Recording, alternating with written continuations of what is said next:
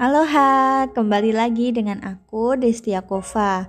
Nah, aku akan merekomendasikan karya terakhir di podcast ini ya.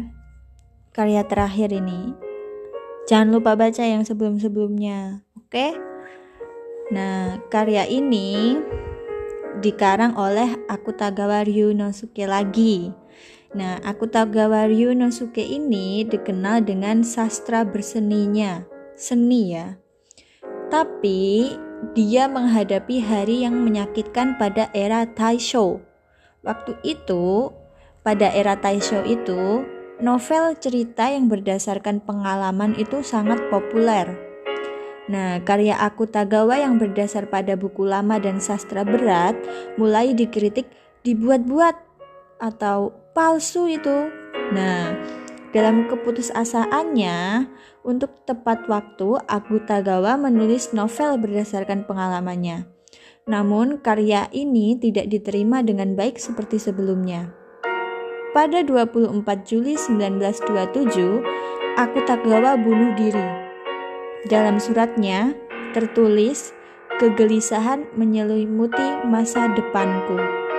Karya yang menggambarkan orang saat berada di tengah titik hidupnya ini adalah tabir neraka atau lukisan neraka.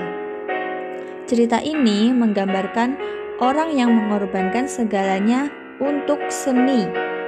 Mungkin juga ini menggambarkan masa depan Akutagawa. Hmm, who knows?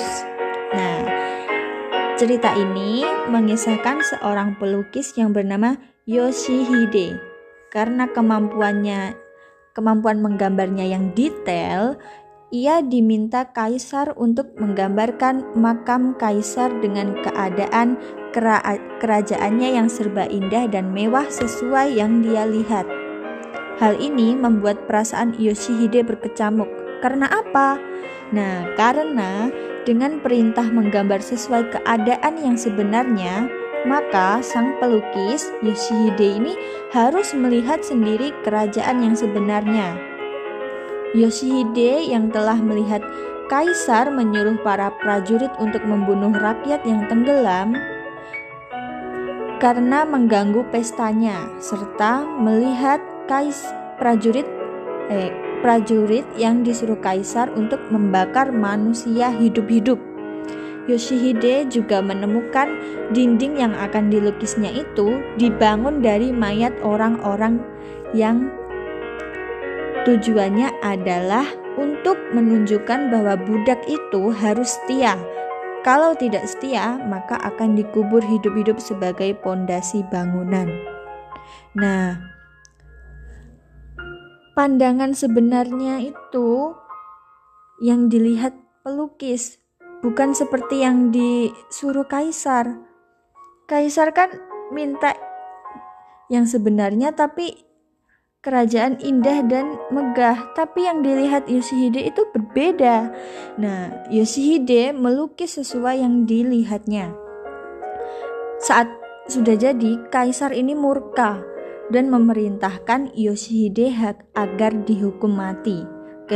Keesokan harinya, Yoshihide ini meminta kaisar untuk menyediakan api yang besar seperti di neraka, yang mana manusia dibakar hidup-hidup agar dia dapat merasakan penderitaan dan kesakitan seperti di neraka.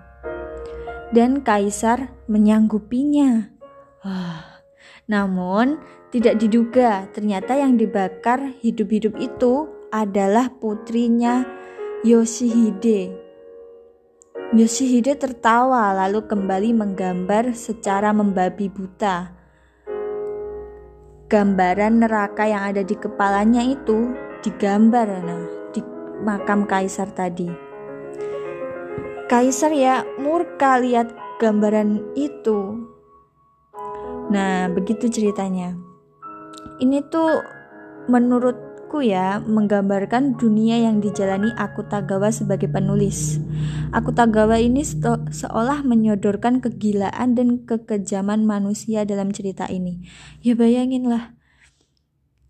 Huh, masa bakar orang sama ngubur orang hidup-hidup kan gila ya.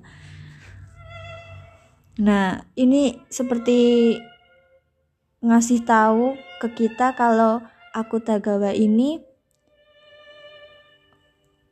mengorbankan seluruh mengorbankan semuanya untuk seni seni tulisnya, karya tulisnya.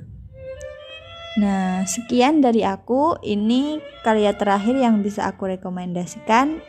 Terima kasih, jangan lupa baca.